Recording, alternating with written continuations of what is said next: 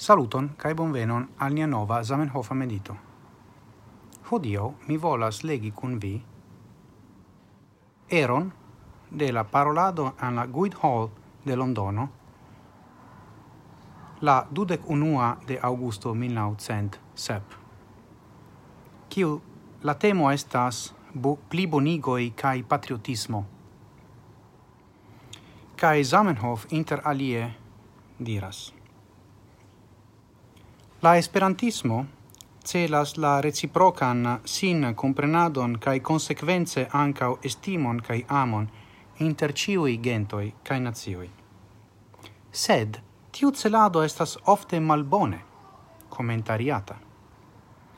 Kai sub la influo de agitado di diversa enia e malamicoi oni ofte culpigas nin priceloi kiu in ni neniam havis. Mi parolos citie pri du culpigoi, kiujn ni ofte audas.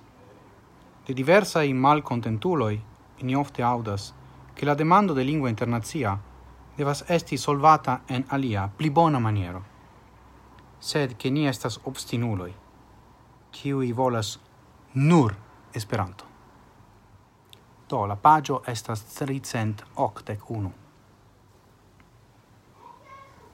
Do, vidu la punto.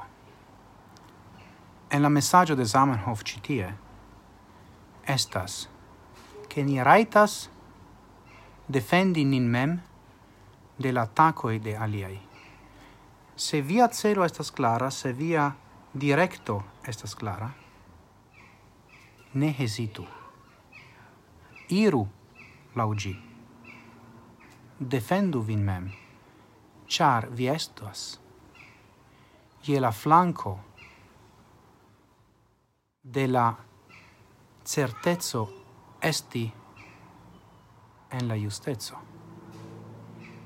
Ien la punto. La punto estas giuste. Resti fidela al si mem. Cai ne mal curagiu defendi vin, ciam estas mal giustai attacoi contra vi. Mi pensas che citio estas tre grava en la nun tempo. Char mult foie homoi hesitas defendi sian propein opinioin contrau malgiustai attacoi. Cial?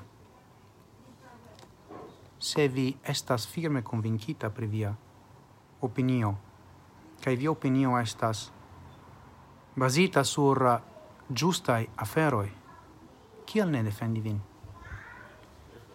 tio estas krom Esperanto, tio estas generala afero.